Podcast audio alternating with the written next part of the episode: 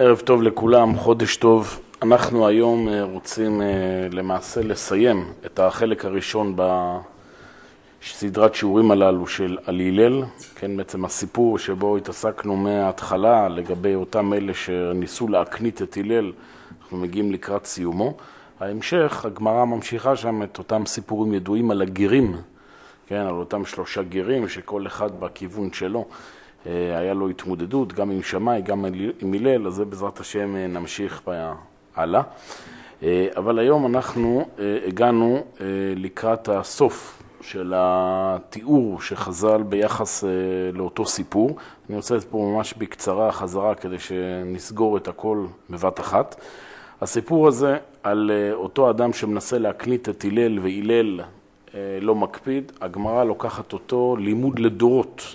איך אדם אמור להתמודד מול מצבים מאתגרים, מול קשיים הקיצוניים ביותר שמערערים אותו מבחינה נפשית, ואף על פי כן האדם שהוא מלא ענווה, שהלל הוא המייצג, אמור גם בתוך המצבים הללו להוציא מהם את הצדדים החיובים. אז הגמרא פתחה באמרה הבסיסית של עולם יהיה אדם ענוותן כהלל ואל יהיה קפדן כשמאי, זאת אומרת שהאדם הממוצע, כן, לא האדם העליון, שהוא יכול להיות גם כמו שמאי מקפיד, אבל האדם הנורמלי שבאופן טבעי הוא נוטה אחרי הכעסנות, אז הוא עדיף שיבחור במידתו של הלל, שמידתו של הלל, הגדיר את זה הרב, זה לראות את הצד המכובד בכל דבר, זאת אומרת לא להתעלם מהפגמים, אבל להבין איך בכל דבר יש בו נקודה מהותית שאפשר לקחת ממנה את הצד החיובי. ואז הגמרא מתארת סיפור שככל הנראה הוא דמיוני, או לפחות הוא מנוסח בצורה דמיונית, שבה ישנם שניים שמתערבים מי יקנית את הלל, זאת אומרת, מדובר כאן באנשים, שמי שבסופו של דבר הולך לעשות את זה אדם אחד, מישהו שמנסה באופן מלאכותי להתגבר על רגשי הכבוד שאמורים להיות לכל אדם ביחס להלל נשיא ישראל ומנסה להרגיז אותו, זאת אומרת, מדובר כאן במשהו מחושב, מכוון, לא איזה הקנטה כבדרך אגב, הכל כאן בנוי בצורה מאוד מאוד מסודרת כדי להוציא את הלל משלוותו. אותו אדם עובר על פתח בית הלל, אומרים בערב שבת, בין השמשות, זאת אומרת בנקודת הזמן הרגישה ביותר, בתקופת המעבר, כן, בין השמשות, בזמן שהוא חופף את ראשו, כלומר שאדם נמצא באיזשהו עיסוק אינטימי, לכאורה שאדם מצוי בשיא הפנימיות שלו, דווקא אז הוא מפריע אותו משלוותו, ושואל אותו שלוש שאלות, שהסברנו על פי הרב ששלושת השאלות הללו, כל אחד מהם מבטא, שוב, עיקרון אחר שהלל מסיק מתוך התבוננות במציאות, מתוך הענווה שלו. השאלה הראשונה שהוא שואל זה מדוע ראשיהם של בבליים גלגלים, זאת אומרת, זו שאלה שנראית לכאורה לא קשורה לשום דבר, והלל עונה לו מפני שאלה הם חיות פיקחות, זאת אומרת, הלל רואה גם במציאות, בשאלה הזו, שהיא לא מתעסקת בתופעת טבע שלא שייכת לשום דבר רוחני, גם בזה הלל מוצא את השגחת השם, שהקדוש ברא את העולם בצורה כזו, שכדי לחפות גם על בעיות שבני אדם, כן, במקרה הזה חוסר מקצועיות של מילדות, כן, שקדוש הוא הטמין במציאות גם את הדרך להתגבר על הבעיות מהסוג הזה. השאלה השנייה שהוא שואל אותו זה מדוע עיניהם של תרמודים טרוטות, כן, מדוע, מדוע העיניים שלהם צרות, ועל זה עונה הלל. שמפני שדרים בין החולות, זאת אומרת, הלל מדבר עכשיו מתוך הענווה שלו, זה היכולת לראות איך הקדוש ברוך הוא מתאים לכל חברה ביחס למיקום הגיאוגרפי שלה. כן, ההשגחה האלוהית יוצרת הגנות כנגד הנזקים שנמצאים באותו מקום. והדבר השלישי, הוא שאל אותו מדוע רגליהם של אפריקים רחבות, שגם פה הרב מעמיק ומסביר, שכן, והלל עולה מפני שהם דרים בין הביצות, שהרעיון הוא, שהלל לומד, זה שגוף האדם עובר תהליכים אבולוציוניים, כן, זה שהרגליים שלהם מתרחבות במהלך החיים בגלל שהם נמצאים בין הביצות, זאת אומרת, יש איזה תהליך של ניסוי וטעייה באנושות, שלאט לאט משכלל את המציאות עד הרמה ממש של שינוי פיזיולוגי, אבל מזה גם מותחים לכל הכיוונים, שהאדם אמור בכוחו, בשכלו, בניסיונו, לאט לאט להפוך את העולם למקום יותר טוב ויותר יעיל וכולי. כל הדברים הללו, הלל מסיק מתוך ענוותנותו, כן, היכולת לראות גם בדברים שלא שייכים לכאורה לצד הרוחני המוסרי, גם לראות שם את הנקודה הפנימית.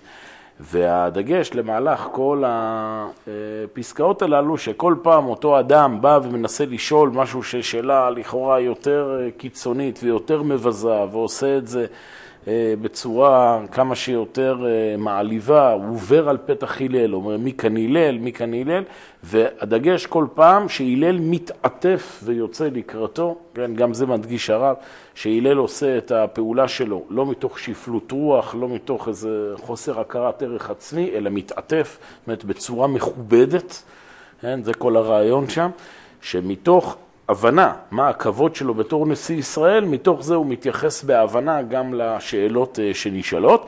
ומה שראינו בשבוע שעבר, אה, כן, הפעם האחרונה שלמדנו, זה שאותו אדם אה, אומר לו, אומר לו, שאלות יש לי הרבה לשאול אותך, ומפחד אני שמא תכעס. הסביר הרב שפה זה אפילו ניסיון הקנטה יותר מתוחכם.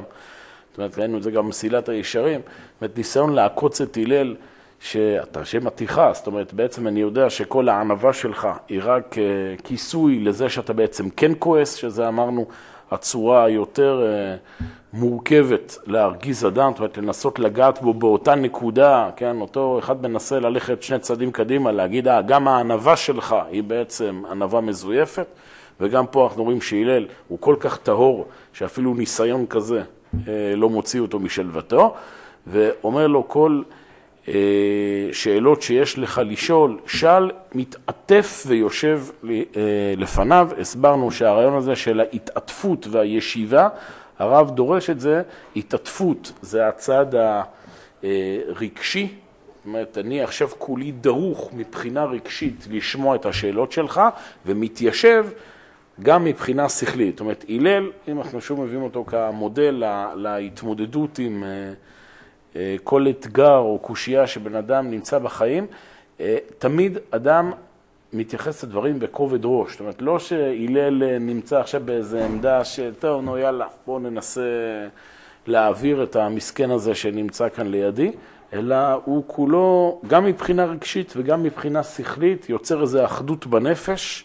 כן, דיברנו על זה כמו תורה ותפילה, שני הצדדים בנפש של שכל ורגש הם בדרך כלל מפורדים, אדם שהוא מתרגש הוא לא חושב בצורה בהירה, אדם שחושב בצורה בהירה, שכלית, לפעמים זה מאבד לו את החמימות הרגשית, הלל מצליח לאחד בין שני הצדדים הללו וכולו קשוב למה שאותו אדם, שמבחינתו מייצג עכשיו את מה שהקדוש ברוך הוא רוצה שהוא ילמד, מה אותו אדם רוצה להגיד.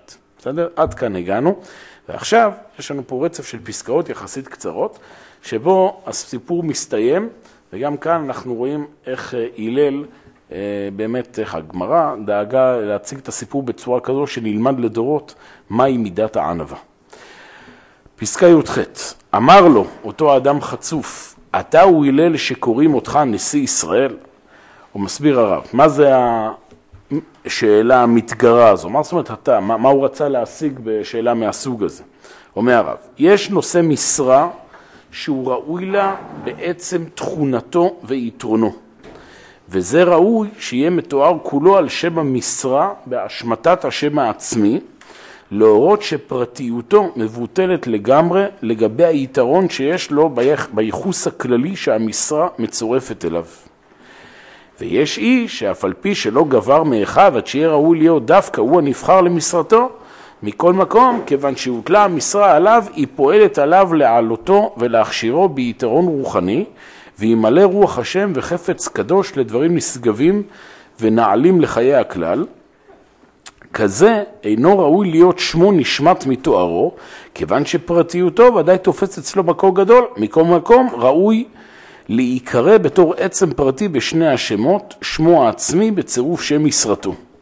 מה שאין כן האיש שכל כך שפל, שפלה נפשו, עד שהמשרה גם כן לא תוכל לפעול עליו לעלותו מתחתית מצבו הרוחני, זה ראוי לומר עליו שהוא רק מקרה שקוראים אותו על שם משרתו. אבל לא תצורף להיות עומד אצלו במדרגת שם עצם. על כן אמר אותו ממרא בחוצפתו, אתה הוא הלל הפרטי, שכבר הקדים לנהוג בו קלות ראש מרובה, שכל כך צעירו בעזות בירידה, עד שאמר לו שרק קוראים אותך נשיא ישראל. ואין הקריאה מצורפת כלל אל השם, מפני שהשם הקטן, לפי מבטא חוצפתו, נשאר בערכו בלא שום השפעה מהנשיאות. זה סגנון קצת אה, תחביר מורכב, אבל הרעיון שאומר הרב זה רעיון די פשוט. הרב, יש, אה, כשאנחנו מדברים עכשיו פה על יחס של תארי כבוד לאדם, אפשר אה, לראות שני סוגי תארים. יש תואר, שזה באמת המציאות היותר עליונה, שהאדם הוא כל כך ראוי למשרה שלו, הוא כל כך אה, מבטא, או הופך להיות כזה אדם דומיננטי במשרה שלו, שכבר מכנים אותו על שם המשרה, הנשיא. בסדר? אף אחד לא שואל מי זה הנשיא. ברור שהנשיא זה הלל. בסדר? לא, לא צריך פה להגיד. ברגע שאומרים שם ומשרה, אתה רוצה להגיד שיש פה איזו הבדלה בין האיש, בין הדמות ובין התפקיד שלו. כן, יש אדם שקוראים לו, אה, לא יודע, יוסי, ובנוסף לכך הוא גם אה, עכשיו משמש כיושב ראש אה, עבד. אז אתה צריך להגיד, מה נמצא איתנו מר, יושב ראש עבד. זאת אומרת, יש כאן איזושהי חלוקה. הוא אדם אה, פרטי ויש לו גם שם תואר. במציאות האידיאלית, שאדם באמת ראוי לתפקיד והוא כל כך טבעי שהוא נמצא בתפקיד הזה, עד שזה, כן, הופך להיות הכינוי, כן, הופך להיות אה, אה, השם העצמי שלו. אני יודע מה, בואו ניקח דוגמה היסטורית, אה, כן, בן גוריון בזמנו, כן, היה לו כינוי, קראו לו הזקן, ככה זה היה השם הקוד, לא בן גוריון ראש הממשלה, הזקן, הזקן כאילו, הוא הזקן לשבט, הוא זה שמנהיג ללא עוררין, זאת אומרת, היה, כן, היה איזו אחדות, כאילו התואר כבר הפך להיות אה, שם נרדף אה, אה, לדמות. יש לפעמים מצבים שכמו שאומר הרב, שזה פחות. זאת אומרת, כאן באדם שהוא עצמו לא כל כך התפקיד מתאים לו, אפשר היה למצוא גם אנשים אחרים, אבל מה שנקרא, התפקיד עושה את האדם. בזה שהוא קיבל את התפקיד, אז עם הזמן אה, גם אה, מתרגלים, ובכזה אדם אומרים לו, טוב, יוסי, יושב ראש, טה-טה-טה. כאן אותו אדם מתוחכם, או מה שחז"ל שמים בפיו של אותו אדם, הוא בא ושואל את הלל בצורה המבזה ביותר. אמר לו, אתה הוא הלל, זאת אומרת, זה נשיא, אתה בטח לא הנשיא, אין פה איזה תפקיד מיוחד שתפור עליך, אתה הלל, אתה אדם פרטי. ולא רק הלל נשיא ישראל, אתה הוא הלל שקוראים אותך נשיא ישראל. זאת אומרת, בעצם לא ראוי כל כך שתהיה נשיא. אתה אדם פרטי שנמצא בתפקיד לא שלך, לא היית אמור להיות פה בכלל, מכנים אותך נשיא ישראל. אה, אתה זה שקורא, אתה, אתה זה שראש הממשלה. כן, אה, מכנים אותך ראש הממשלה, הבנו. כלומר, אתה, בסדר, בוא נדבר איתך. כן, יש כאן איזו אמירה שכל כולה באה לבטא ביזוי. והחידוש הוא שגם באמירה הכל כך מעליבה הזו, אומר לו הלל, אמר לו, הן. בסדר? תשובה ודאית. אומר לו, כן, נכון. אומר הרב, תחשב, כן, המילה הן, תחשב לתשובה וכהודעה דמיה. כן, הוא מודה, נכון, אני, אני הלל. אמנם תשובה שהיא משמחת את הלב, האדם מתעורר להשיבה בפה מלא, אף על פי שגם השתיקה הייתה מספקת לעניין הידיעה. אבל התשובה היא מבארת הבעת הרצון. יש פה דיוק בכל מילה. לכאורה, בשאלה מהסוג הזה, היה מצופה מהלל לענות ב... כאילו, אדם שואל בחוצפה, אז בסדר, אתה לא, לא צועק עליו, לפחות תענה לו באיזה הנהון כזה. כן, אז זה משהו ש... טוב, נו, אתה מדבר בחוצפה, אבל אני מוכן לדבר איתך. הלל אומר הן, הן זה אמירה כאילו פה מלא, כן, מתלהב מתלהב להגיד את זה, אתה צודק. באמת, אני בסך הכל אדם פרטי, אני הלל, שאיכשהו אני נמצא בתפקיד שלי, נשיא ישראל. על כן, למה זה כך, אומר הרב? בהיות הענב השלם מצייר תמיד נגד עיניו מגרעות עצמו, ולעומת זה יתרונות של זולתו, עד אשר יכבד מאוד כל אדם בעיניו, ובפרט הכלל כולו. ובהיות הענב נמשך אחר הצדק בהמשכה טבעית אמיצה, ולפי מידת ציור המגרעות הנמצאות בו, הלא ראוי לו לפיהן שלילת הכבוד והביזיון, על כן ישמח מאוד במה שמבזים אותו, באשר לפי ציורו הצדק יחייב כן. האדם הענב, אתם זוכרים, למדנו את זה בשיעורים קודמים, כן, שהבאנו מקור אחר בגמרא, שאומרת הגמרא שאדם צדיק אין מרים לו חלום טוב, כן, הוא כל הזמן רואה רק חלומות רעים, והאדם רשע אין מרים לו חלום רע, הוא כל הזמן רואה חלומות טובים, ועל זה הסביר הרב, שאדם רשע מאוד מאוד מרוצה מעצמו, הוא לא רואה חלום רע. אדם רשע, ישן טוב, אמיתה, אין לו איסורי מצפון, אין לו, אין לו אה, התלבטויות, הוא זחוח, הוא לא מרגיש בכלל שיש לו בעיה. האדם הצדיק, אין לו חלום טוב. מה זאת? לא הכוונה ברמה הטכנית שאין לו חלום טוב, הכוונה היא שהוא נמצא כל הזמן בבחינה עצמית. הוא כל הזמן נמצא בבדיקה איפה הוא טעה. הוא, כן, הוא לא ישן טוב בלילה. בסדר, זה, זה שכולנו כל כך אוהבים לישון טוב בלילה, אז אה, זה לא תמיד אה, מעלה.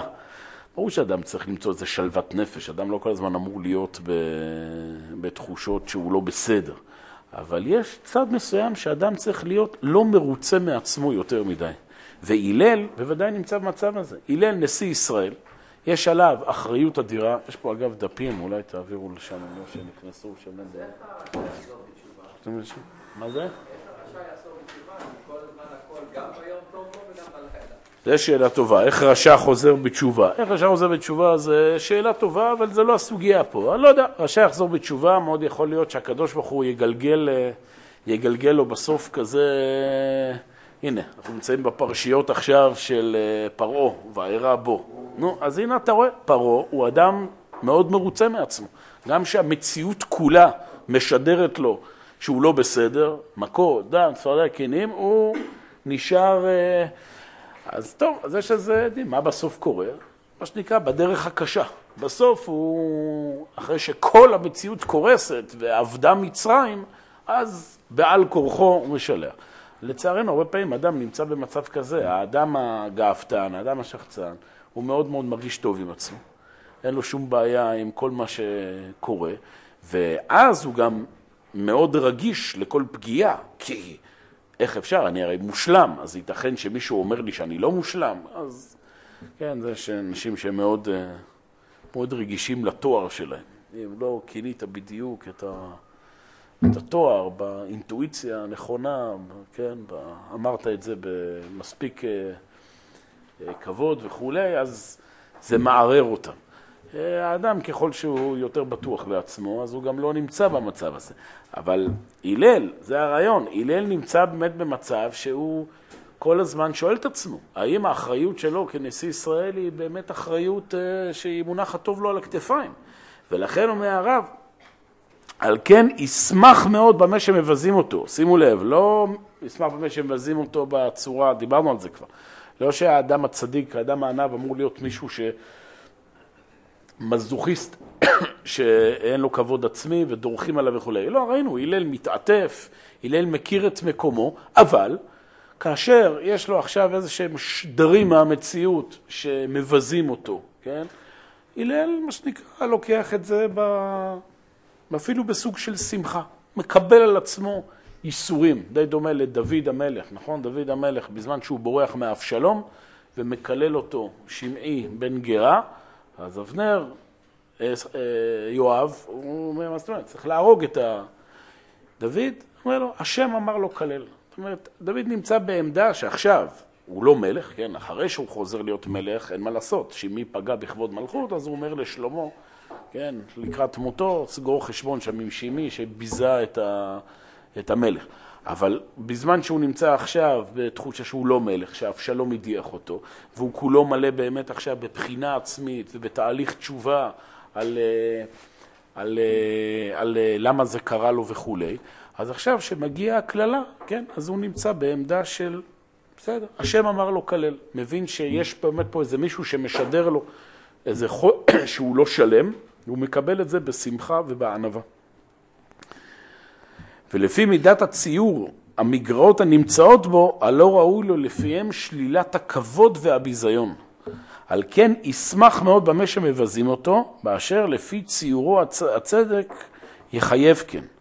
ועל דבר היוצא כשורת הצדק ראוי לשמח, לשמוח מצד עצמו, יש שמחה לצדיק עשות משפט. זאת אומרת, זה שמבזים אותי זה מצוין, זה סוג של אה, כפרת עוונות, ואדם, אה, יש צד שהוא אמור לשמוח גם בזה, זה מופיע הרבה בספרי החסידות, ספרי המוסר, שאדם מגיע אליו, לא שאדם צריך לחפש ביזיונות, אבל כאשר אה, אדם מגיע למצב שהוא, מעליבים אותו וכולי, יש, יש מקום שאדם אמור להבין שזה כפרת עוונות, כן? זה משהו שהוא, שממרק אותו, מה יגיד לכם לשמוח? שוב, כשאומרים לשמוח צריך להבין את זה במשמעות המלאה, זה לא שוב להיות כזה הזוי שאוהב שמרביצים לו, אבל יצא שאדם צריך לקחת את הדברים גם מהזווית הזו. קרה מה שקרה, בסדר, כנראה זה היה מגיע לי, ואדם מזה מתגבר הלאה. יש סיפור, הוא מביא את זה, הרב טאו, שהוא מסביר את הסוגיה הזו, אז הוא מביא את זה שהרב מרדכי גימפל יפה, זכר צדיק לברכה, היה תמיד חכם גדול. שהיה לו פעם אה, ביטוי, ששאלו אותו איך, אה, איך רבנים לוקחים אה, כסף, לוקחים משכורת על העבודה שלהם.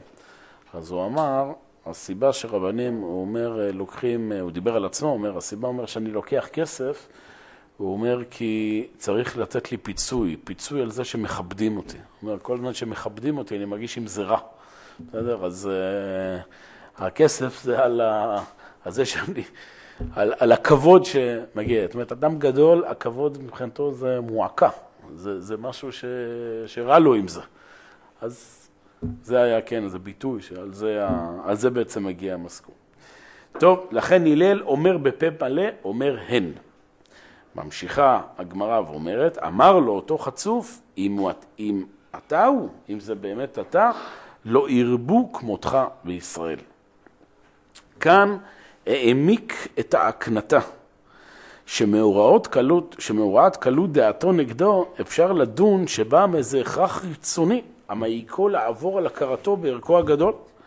גם יכול להיות שיש לו תביעה עליו בתור נשיא ומנהיג, על שפעל בעצמו לבזותו כל כך.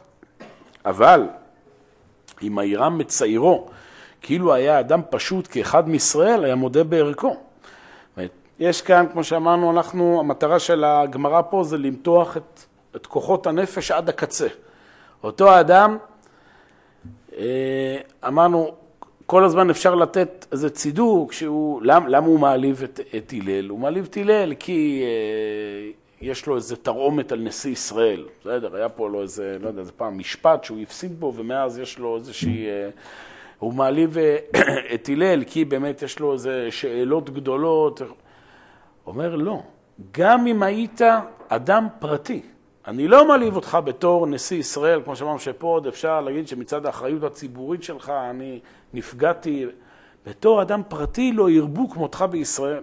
על כן השכיל בעזות לבאר שכל אלה העזות שהחציף לעומתו אינם באים מסיבה פרטית ומערך הקטנה רק בתור נשיא, כי אם הוא משפילו כל כך, עד שאפילו בתור אדם פשוט מישראל, הוא גם כן נחשב לו לשפל בערך עד שלא ירבו כמותו בישראל, וזאת היא הזות היותר נוראה של למעלה ממנה. שמענו, הילל מצד הכבוד שלו, מצד התואר שלו, הוא מוכן למחול בלי שום בעיה הלל, אין לו... כל הנושא הזה של התואר כנשיא ישראל זה משהו שהוא לא מרגיש איתו טוב הלל, והוא אומר בפה מלא, כן, אני באמת אה, הלל שרק מכנים אותי נשיא ישראל, אני לא רוצה את התפקיד הזה וכולי. אבל עכשיו אותו אדם מנסה למחוק את הערך של הלל גם בתור אדם פרטי, וזה כמובן שזה נגד המציאות, הרי הלל קיים בעולם, כל אדם, אין לך אדם שאין לו שעה, אין לך אדם שאין לו מקום, יש... אז לא נשאר כלום, מה עוד אתה יכול להגיד לבן אדם כזה, שרוצה למחוק אדם מישראל? אמר לו, הלל, בני, מפני מה? בהקנתה זו מצא הלל שהשנאה מבצבצת לחשוב עליו מה שלא יוכל שום דעת לדון. על כן האיר תרופת האהבה בקריאה של חיבה בני. הלל מבין שיש פה עכשיו עסק, אם עד עכשיו היה כאן ניסיון כל הזמן לבוא ולהצדיק, הלל מבין שיש כאן מישהו ששונא אותו לשם השנאה. זה גם מצב שאדם יכול להיתקל בחיים. אין, באופן טבעי, אדם, ובצדק, כמו שראינו לאורך כל השיעורים הללו, כל הפסקאות הללו, שאדם, שהוא נתקל עם קשיים בחיים, הוא מנסה להבין מה, מאיפה זה בא, מאיפה מגיע התרעומת נגדו. אם זה אדם ש... שמציק לו, אז האדם נורמלי מנסה להבין למה קורה, מה האיש הזה רוצה. אם זה מציאות לא אדם, אלא סתם מציאות של קושי בחיים, אז גם אדם מנסה להבין למה זה יתגלגל לפה, מה, איך אני יכול לתקן. לפעמים יש מצב שאדם נתקל בשנאה טהורה לשם השנאה. יש גם דבר כזה. זה גם אה, חלק מהבגרות הרוחנית. ילדים תמיד אה, מנסים לתת להם הסבר לכל דבר, למה זה קרה. אתה מבוגר, לפעמים גם מבין שיש דבר כזה שלא. יש לך פה מולך אדם, אין לך שום הסבר, לא עשית לו אף פעם שום דבר, לא, אין פה משהו פסיכולוגי שפגעת בו בתת הכרה וזה. שוב, יש כאן בן אדם רע מצד עצמו, או שיש לו את התסבוכים שלו מצד עצמו והוא פורק אותם עליך, אתה לא יכול לעשות, לפתור את הדבר הזה בשום אה, צורה אה, באופן ישיר. ונלך את זה גם לרמה שלא של יחסי אנוש, אלא בכלל במציאות. יש דברים שאנחנו יכולים להסביר למה הגענו למצב הזה, למה זה קרה, למה... ומצבים שלא יודעים. יש גם דבר כזה. זה גם חלק מעבודת השם, לעמוד מול קיר שלא ברור לך איך, אה, איך הוא הגיע אליך. מה אז עושים? על כן עיר תרופת אהבה בקריאה של חיבה בני, ובהיות תכונת הענב הכרת האמת גם בערכו, ועליו לדעת חפצו הטוב להשכיל ולהיטיב וכישרונו הנעלה, אלא שמגרותיו גם כן לא נכחדו ממנו, בין הפרטיות, בין הכוללות החלישות, בין הכוללות החלישות האנושית, אבל בכל אופן אי אפשר כלל לחשוב שלא תחשב ברכת השם שירבו כמותו בישראל, על כן שאלו מפני מה. גם אחד מגדרי הענווה היא הכרה ברפיון כוחו. שאף על פי שהוא מתכוון אל הטוב וחפץ בו, אבל במה יוכל איש אחד לפעול לטוב הגמור כחפץ לבבו? אבל אם באמת ירבו בישראל כמותו, אז זה לא לפי מרבית הכוחות יתרבו הפעולות הטובות. על כן שאלו בהשתוממות, באומרו שלא ירבו כמותו בישראל, מפני מה? הוא מכיר אני רפיוני, אבל הלא אינו כי מפני שמה, שמה אני וכוחי דל. אבל כשיתרבו כמותי בחפצי על כל פנים לנטות אל הטוב, הלא תתרבה התועלת וקדושת השם יתברך תתגדל ותתרחב יותר בעולם, בישראל ובאדם. שוב, אני, לפני שאני מסביר את הפסקה הזו, אני רוצה להדגיש מה שכבר הדגשנו אותו במהלך השיעור, ואני מדגיש שוב. זה לא הדרכה מעשית, כל הפסקאות האלה שאנחנו לומדים פה מהלל. זאת אומרת, ברור, אני מחזיר אותנו כבר לדברים שדיברנו עליהם. ברור שכאשר אדם ניצב באופן מעשי מול איש מהסוג הזה, שמעליב אותו ללא שום סיבה ועוד אבחר, הוא אמור להפסיק את הדבר הזה עוד uh, בשלבים מוקדמים יותר. כמו שאמרנו, הנעלבים ואינם עולים, שומעים חרפתם ואינם משיבים ועונים, הסברנו, זה מידת חסידות. אדם נורמלי ובריא, ואנחנו כולנו במדרגה של בינונים ולא מידת חסידות, לא אמורים להגיע למצב כזה שבה מישהו ופעם אחרי פעם מעליב ופוגע ומזיק, נזק גופני או נזק נפשי, ואנחנו כזה רק יושבים כזה ומושיטים את הלחי השנייה וכולי. ודאי שאדם צריך להעמיד גבולות, ודאי שאם עיקש תתעקש ואם נבל תדבר, ואל טען כסיל כי יבלתו. זאת אומרת, אדם צריך לפתח גם מנגנוני אה, הגנה מפני כל מיני בריונים שמנסים אה, להציק לו. אה, כן, כי מי, שלא, מי שחושב שפה הדרכה מעשית, אז לכאורה הפסקה הזו זה, זה פסקה שנוצרית כזו. כאילו, כן, הוא שונא אותך, אבל אתה באהבה אומר לו בני, ומנסה להגיד לו מה אתה רוצה ממני וכולי, כזה חוסר אונים. אה, לכן אמרתי, זה לא הדרכה מעשית. מה שיש בפסקאות הללו, ובכלל כל הסיפור הזה, זה סיפור משלי, או הוא בנוי על אה, סיפור אמיתי, אבל הוא מנוסח בצורה משלית. שחז"ל מלמדים איך האדם אמור לעבוד לא כלפי האחר. כלפי האחר אמרנו, האדם לפעמים צריך לתת את ה... לזה שמנסה להציק לו. מבחינה נפשית, איך אדם מבחינה נפשית עם עצמו מתמודד עם קשיים. ואמרנו, גם כשאדם יגיע אל הקושי היותר גדול, כמו שאמרתי, שהוא לא מצליח למצוא סיבה למה האיש הזה או למה המציאות הזו עכשיו רודפת אותי. זה לא, בוא, לפחות זה אפילו לא ביחס לאיש, אז זה פרסונלי ואדם... לא, לא. קורה פה איזה אסון, פעם אחרי פעם, אדם מנסה לעשות ככל יכולתו, אבל זה רודף אחריו. אומר הרב, מבחינה נפשית, אדם אמור להגיד, כן, אמר לו, בני מפני מה? זאת אומרת, יש מצב שאדם ניצב כלפי הקדוש ברוך הוא, כן, בעומק הדברים, ואומר, מה? מה אתה רוצה ממני? אני לא, לא עשיתי כלום. לא עשיתי כלום. אדם נמצא בשיא הענווה, שהוא מבין את רפיון כוחו, מבין את החוסר היכולת שלו לפתור את הכל, חוסר היכולת שלו להבין את הכל, ועכשיו נמצא, אחרי שהוא כמובן לאורך כל הדרך ניסה לענות על השאלות ו- וניסה בכל כוחו לפתור את הבעיה, יש גם מצב, אדם לא מרים ידיים, אבל נמצא בשאלה שאני עשיתי מה שיכולתי. ועכשיו אני שואל, מפני מה? מה, מה אני אמור עכשיו ללמוד מהדבר הזה? אתה פונה לקדוש ברוך הוא, כן, כאן, ברמה האישית, שהוא מדבר כאן כביכול אל האדם, הוא בא ואומר, פני מה? אני לא מבין, מה, אתה לא רוצה שאני אהיה קיים? אני לא, בסדר, הבנו, אני לא נשיא, אני לא, אתה אומר שאין לי, לא ראוי להיות תפקיד בנשיא, בסדר, אבל כאדם פרטי, יש לי קיום במציאות, וגם אם הכוח שלי קטן, למה שלא ירבו כמותי בישראל? אני אמנם עושה פעולה קטנה, אבל יש, אם יהיו הרבה כמוני שעשו הרבה פעולות קטנות, אז המציאות תתקדם. זו השאלה. מבחינה נפשית, היכולת של האדם להגיע גם למצב הזה. מפני מה? כמו שאמרתי, הצד הנפשי. בצד המעשי זה כבר uh, סיפור אחר. עכשיו אנחנו מגיעים, מה שנקרא, uh, ל... איך קוראים לזה בספרות? לשיאה של הדרמה. כן.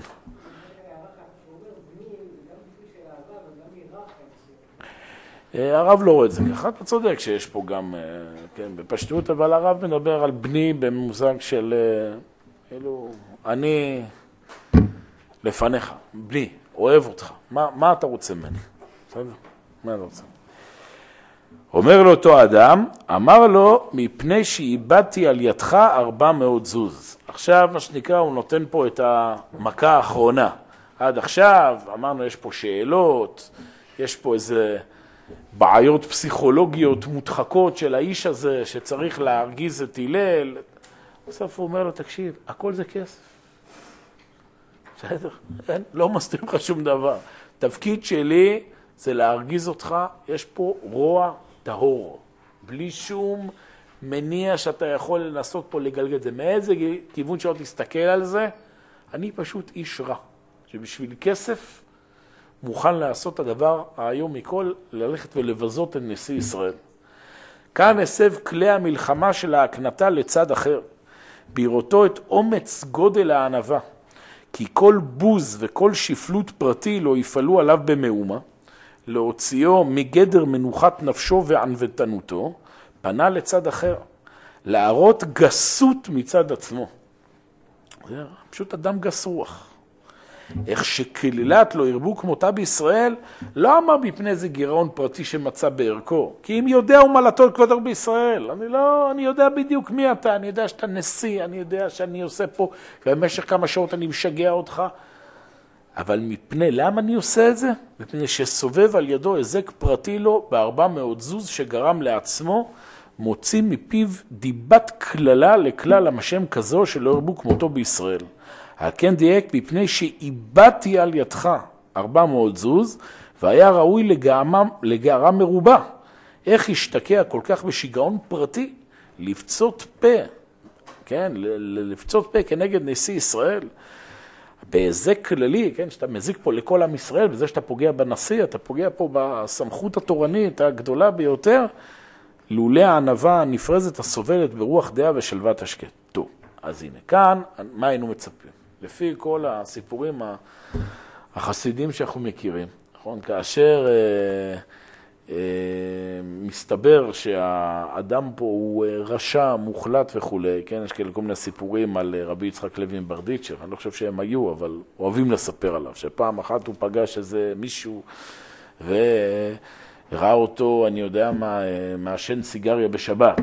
אמר לו, בני, אתה בטח לא יודע ששבת היום. אומר לו אותו אדם, לא, אני יודע ששבת היום. ממשיך, רבי יצחק גמברדיץ' אומר לו, אז בטח אתה לא יודע שאסור לעשן סיגריה בשבת. אומר לו, אני יודע שאסור לעשן סיגריה בשבת. אז אומר לו, אולי אתה, אז אה, בטח אתה מעשן בגלל שאתה, אני יודע מה, פיקוח נפש, לא יודע, והרופאים אמרו שאתה חייב, כן, אז חשבו שזה עישון טוב לבריאות. שה, שהרופאים אמרו לך לעשן, זה אומר, לא, הרופאים לא אמרו לי לעשן. אה, בקיצור, ככה הוא ממשיך לשאול אותו עוד ועוד ועוד, עד שבסוף, כשמגיעים אל הפינה, שאין שום תירוץ וזה, מרים רבי יצחק לוי מברדיצ'ב את ידיו לשמיים ואומר, אה, ריבונו של עולם, תראה את עמך ישראל, גם כשמחיילים בשבת הם לא מוכנים לשקר, משהו כזה, שזה סיפורים, אני לא זוכר בדיוק, זה הסגנון, כאילו, איזה... אני... עכשיו, הסיפורים האלה, אני לא כך אוהב אותם, אה, א', אני לא בטוח שהם היו. אבל המסר אבל שעולה מהם, זה כאילו בשביל להיות uh, צדיק אתה צריך להיות תמים כזה. כן, כאילו, אתה, אתה מה, מה אתה רוצה להגיד פה משהו? לא, לא, כאילו אין, אין ללמד זכות, אז אנחנו, לא, זה, זה, הוא פשוט לא משקר, כן, כמו, אמרתי לכם כבר המשל הזה, שאדם יוצא בערב שבת, רואה מכוניות נוסעות פה על כביש ירושלים, תל אביב, אומר, פש, כמה יולדות יש פה, וואו, ברוך השם, עם ישראל. מה אתה, לא. לא זה, אז זה מה שקורה פה. לכאורה היינו כאן לפי הליין של הסיפורים האלה, היינו מצפים שעכשיו הלל יישא כפיו ויגיד, אך, איזה יופי, אדם איבד 400, אדם אה, בשביל, למה? בשביל להרוויח את הכסף, הוא מוכן לעבוד קשה ולבזות נשיא ישראל, או למצוא איזה לימוד זכות מוקרץ כזה, כדי ש... אז זהו שלו. שימו לב מה, מה אומר לו הלל. לא, לא עכשיו אומר, טוב, באמת, אה, כל הכבוד לך. ש... לפחות. לא אומר לו הלל, אתה הפסדת פה 400 זוז. בסדר? אמר לו, הווה זהיר ברוחך. שימו לב, פה מתחיל כבר הגערה. הוא אומר, הבנו, עשינו פה את כל הסיבוב הגדול לראות שאין לך... מנ... עכשיו מסתבר ש... שום דבר, מה שזה, אמרנו, רוע מוחלט, אגואיזם מוחלט, אין לי פה לימוד זכות עליך בשום כיוון אפשרי, הווה זהיר ברוחך. אתה עשית פה משהו מאוד מאוד בעייתי. כדאי הוא הלל שתאבד על ידו 400 זוז, ו-400 זוז, והילל לא יקפיד. אומר, אתה נמצא פה אדם, באמת עשית פה משהו איום ונורא, ומן הסתם אתה גם תשלם את המחיר בעולם הזה או בעולם הבא על הדבר הזה. אני לא יודע מה ימשיך הסיפור, יכול להיות שהמשך הסיפור היה שהילל קרא לשוטרים של בית הדין שילקו את אותו אדם על זה שהוא ביזה את נשיא ישראל, יכול להיות, אם הסיפור הזה היה. ואם לא, אז בשמיים, מן הסתם, אה, האיש הזה יבואו איתו חשבון. הלל בא ואומר, אתה, אני משתמש בך כדי לימוד לדורות. והלימוד לדורות הוא איך כועסים בעם ישראל. מגיע שיכעסו עליך, אתם מבינים? זה מה, ש... אה, מה שאומר פה הלל. הווה זהיר ברוחך. אתה עשית פה משהו לא בסדר, ואנחנו לא מחליקים את זה. אבל הלל לא מקפיד. אומרת, יש פה לימוד שגם במצבים כל כך קיצוניים כמו אדם כזה, הלל, נשיא ישראל, הוא לא מקפיד. במה הוא לא מקפיד? יש פה שני דברים. תאבד 400 זוז ו-400 זוז, כן, כפל לשון. למה פעם 400 זוז? אומר, והיו פה שני צדדים שהלל היה אמור להקפיד ואף על פי כן הוא לא הקפיד. כל אדם יש לו רוח מיוחד ונטייה מיוחדת שבוודאי נטעם בו יוצרו כדי להשכיל ולהיטיב. כל אדם יש לו, הקדוש ברוך הוא טמן בו כוחות. כוחות שהוא אמור ללכת ולהיטיב איתם ולפעול חיוב במציאות. על כן, כל אדם צריך להשתדל לקנות הדרכים הטובים על פי מידותיו ותכונותיו, רק ייזהר שלא תתפרץ נטייתו מן המידה הראויה על פי השכל ועל פי תורה. אבל אין ההדרכה ראויה להיות להשיא את האדם להרס ולאבד נטייתו הטבעית. כל אדם, אומר הלל, אומר הרב, כל אדם יש לו את הכוחות שלו. אדם אמור לקחת את הכוחות הללו ולתעל אותם מתוך שכל ועל פי תורה. אבל לא אין ההדרכה ראויה לאדם להשיא, את האדם להרס ולאבד נטייתו, נטייתו הטבעית. אדם לא אמור למחוק את האישיות שלו. אדם לא אמור למחוק את הכוחות שלו. אדם אמור לתת לכוחות שלהם ללכת ולהופיע. על כן, עם כל ההתפרצות העזות שאירע זה הממרא, כן, כל החוצפה שאותו האדם גילה, היה עצת שלום של אביר הענבים, נשיא אלוהים זה, שיהיה זהיר ברוחו ובנטייתו. ועל פיה יוכל לעשות גם כן הטוב והישר בעיני אלוהים ואדם כשיכוון את המידה הראויה. אומר לו הלל, הווה זהיר ברוחך. הרוח שלך, יש לה מקום. אתה בן אדם. במקרה הזה, לא יודע, אדם אה, מלא כזה חוצפה, יכול להיות שהוא באמת בן אדם מאוד נמרץ, עם הרבה, עם הרבה אנרגיות בחיים. הווה זהיר, הרוח שלך היא, היא בסדר, אבל אתה צריך להיות זהיר בה. איך אתה מופיע אותה במציאות. ולא זו בלבד, אלא שאפילו מפעולה שעברה, שהייתה שלא קשורה, ובהעברת הדרך הרבה, מכל מקום, הלהבא יהיה יונק ממנה מוסר טוב ולימוד הגון, לדעת עד היכן כוח הסובלנות והענווה יוכל להגיע באדם, ויהיה לו למופת להועיל לעצמו ולאחרים. הוא אומר, אתה, למה אתה משמש? אתה משמש עכשיו, לצורך העניין, ככלי לאתגר אותי, לאתגר את הלל, כדי שעם ישראל כולו ילמד לדורות. באמת, הולך ומסתבר, זה הענב, כן, הענב הגדול, הלל, הולך ומסתבר שגם המציאות היותר קיצונית, היותר שלילית, היותר גסת רוח וכולי, גם היא בסופו של דבר, אומר הלל, היא משמשת, משמשת לבנייה. אתה האדם שבאת עם כל, כל כולך עם אה, מטרה שלילית, אתה בסופו של דבר משמש כלי בידיו של הקדוש ברוך הוא ללמד את עם ישראל מוסר. מה המוסר? שהלל לא מקפיד. אפילו, אה, הוא אומר, ויהיה לו מופת להועיל לעצמו ולאחרים, ואפילו הפסד הממון שיצא לו מקלות דעתו זו, יוכל להחשיב שיחשב רווח. כמו שישיב הפסד המוסר והיראה על ידי שמירתו את הלימוד הנשגב היוצא לו ממורה זה, וידע שאומנם יש במציאות כוח הענווה האמיתית להביא את האדם למצב המביא לידי השתוממות כזו על מהות הנפש המלאה מנוחה ואהבה, וכל מה שרושם הדבר יותר ניכר אצלו על ידי מה שבא לו במחוף של הפסד הגון, יהיה יותר פועל עליו. התהליך הזה שאתה עכשיו הולך להפסיד 400 זוז, מצוין.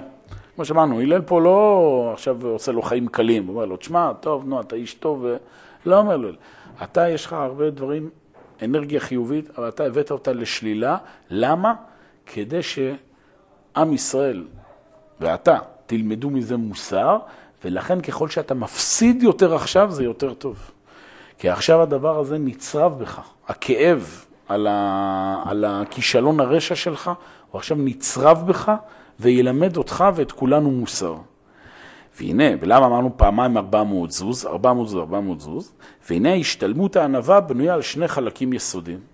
החלק הראשון הוא שלא יהיה נקנט בפניו ובלבבו, למעט על ידי זה את עוד האהבה ושמחת הסברת הפנים הראויה לכל אדם בכל שעה.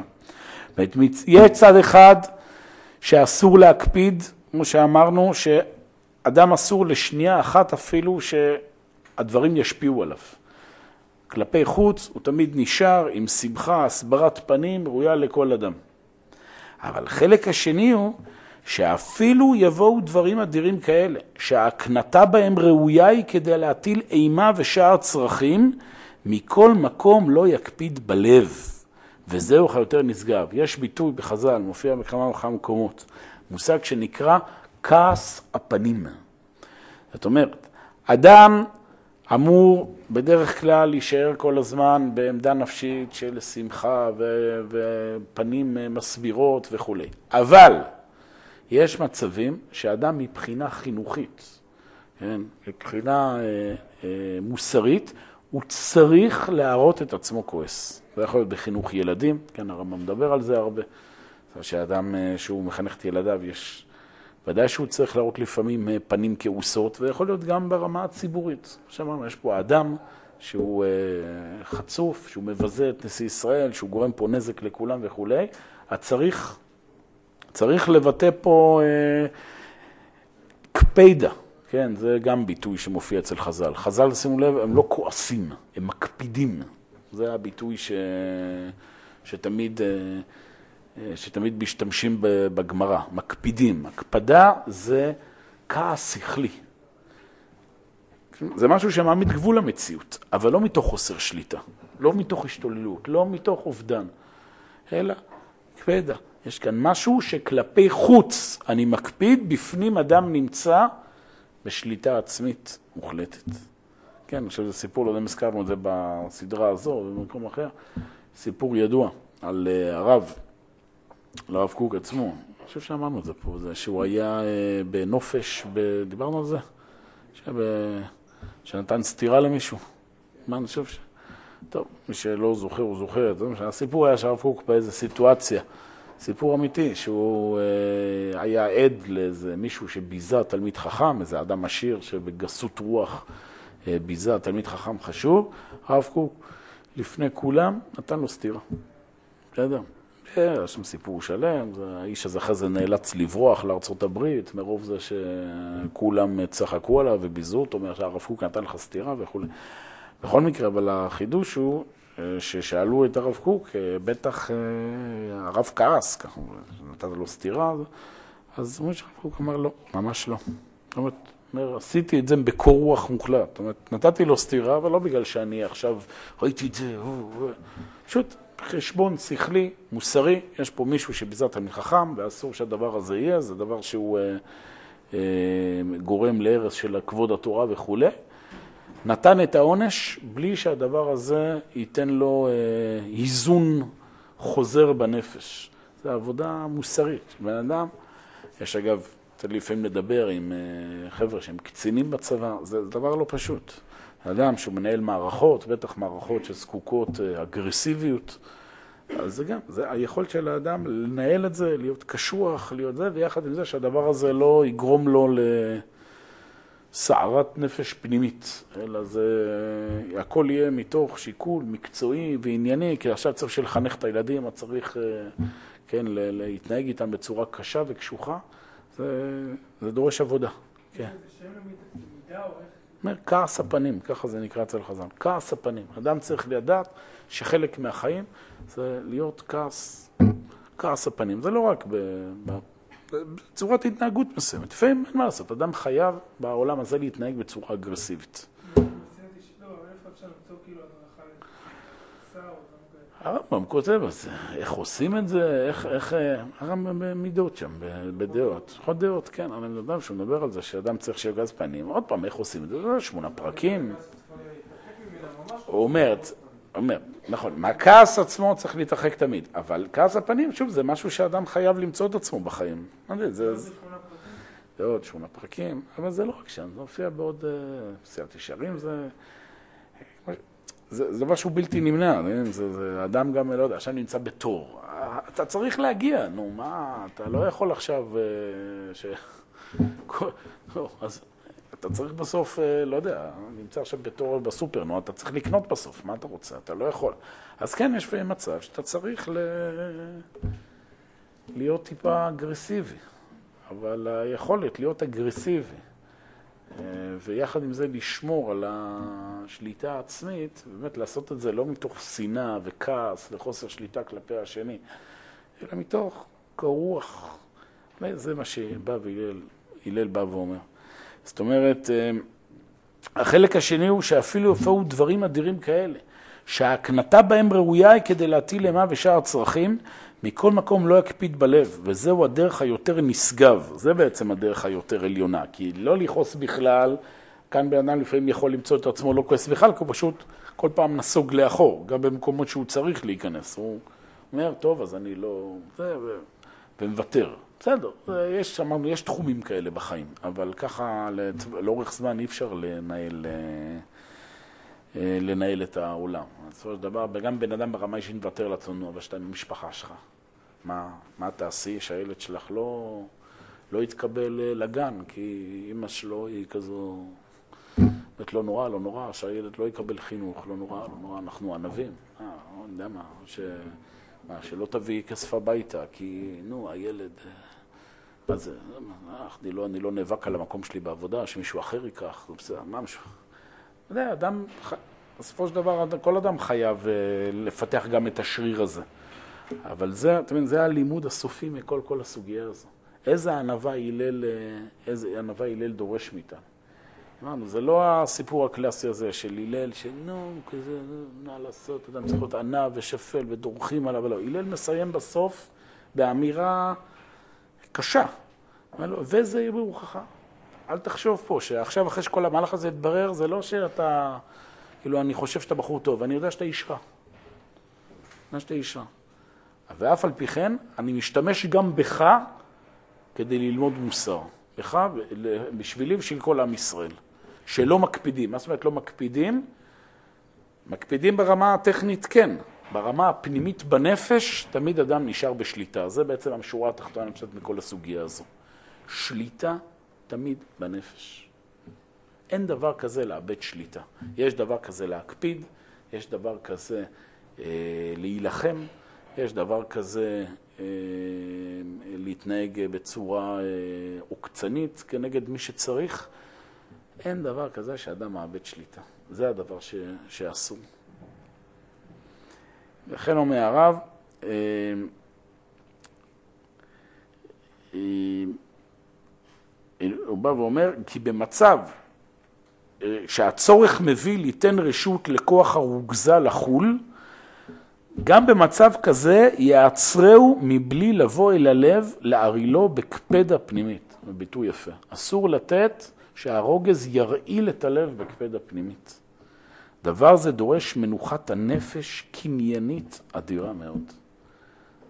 זה דבר שאדם צריך, כשאדם לא עובד על עצמו מבחינה מוסרית, הוא צריך ללכת בכיוון הזה. כי מי שינסה להעמיד לעצמו כל מיני, אה, אה, כאילו כל מיני סטנדרטים שהם לא ריאליים, אני אף פעם לא כועס, אני אף פעם לא, אה, לא מתעצבן, אני אף פעם לא... מה אתה לא כזה? בחיים חייבים להתעצבן, חייבים פעמים להקפיד. מה, יש דבר כזה שבן אדם הוא אדיש לחיים? כשאתה חי, אז ברור שיש נקודות שאתה מתחכך איתן. לכן הביטוי, בעבודה המוסרית שאדם עומד על עצמו להיות עניו כמו הלל, הביטויים צריכים להיות, לא אני אף פעם לא כועס, אלא הביטוי אני אף פעם לא מאבד שליטה. בסדר, זה הביטוי. לא אני אף פעם לא אה, מתעצבן, אני אף פעם לא מתנהג בצורה ש... שמפרקת פה את המערכת. ברגע שזה, יש את השליטה בזה, אז זה גם ריאלי, כי זה הדבר שאדם יכול לעמוד בו. הוא כועס, אבל נמצא ב... איך עושים את זה? זה כמובן טכניקה שעובדים עליה. למשל, היה מסופר על אחד מגדולי ישראל, שכל פעם שהוא הרגיז שהוא רוצה לכעוס, הוא היה הולך ללבוש בגד כעס. היה לו איזה חליפה, כן, החליפה של האיומים, כן.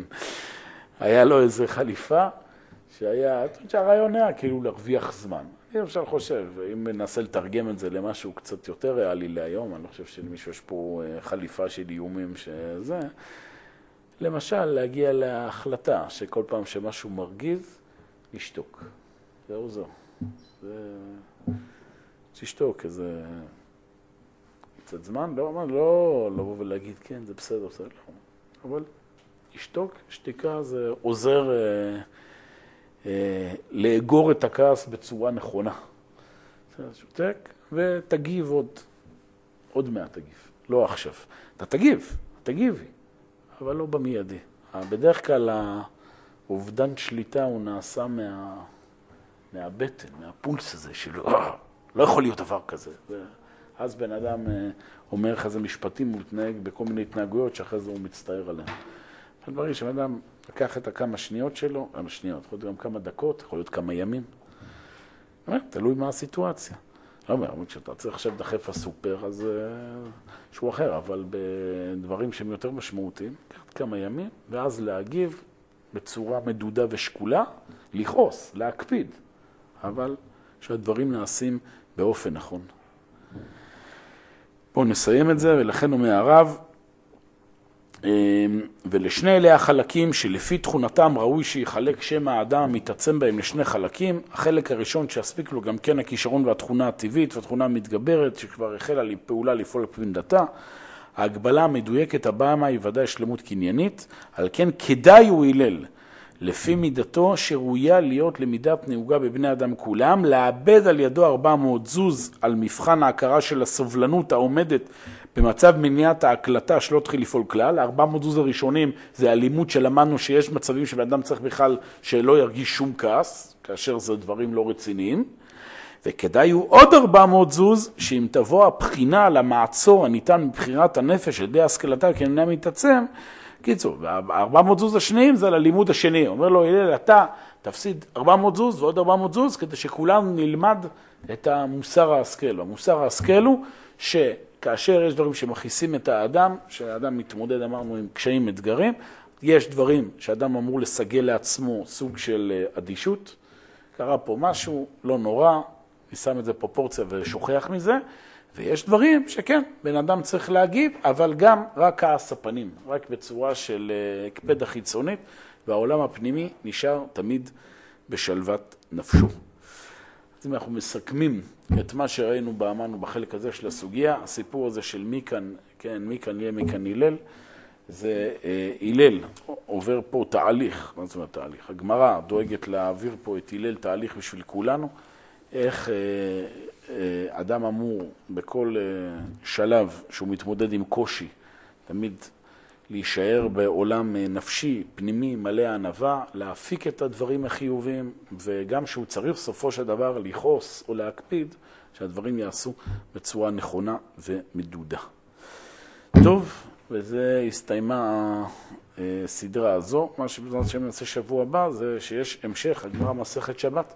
היא ממשיכה עוד בשלושה סיפורים שכולנו גם מכירים אותם, על הגירים, שלושה גירים שבאים אה, להתגייר אצל שמאי ואחרי זה הלל, שזה גם המשך של אותו רעיון, זה מה שהתחלנו בתחילת הסוגיה, על עולם יהיה אדם ענוותן כהלל ועלי כעבדן כשמאי, שצריך שני צדדים בהנהגת המציאות, את הצד של השמאות והצד של הלל, הקפדה מול סובלנות, זה יסגור את הסוגיה. נעצור כאן, שיהיה ערב טוב.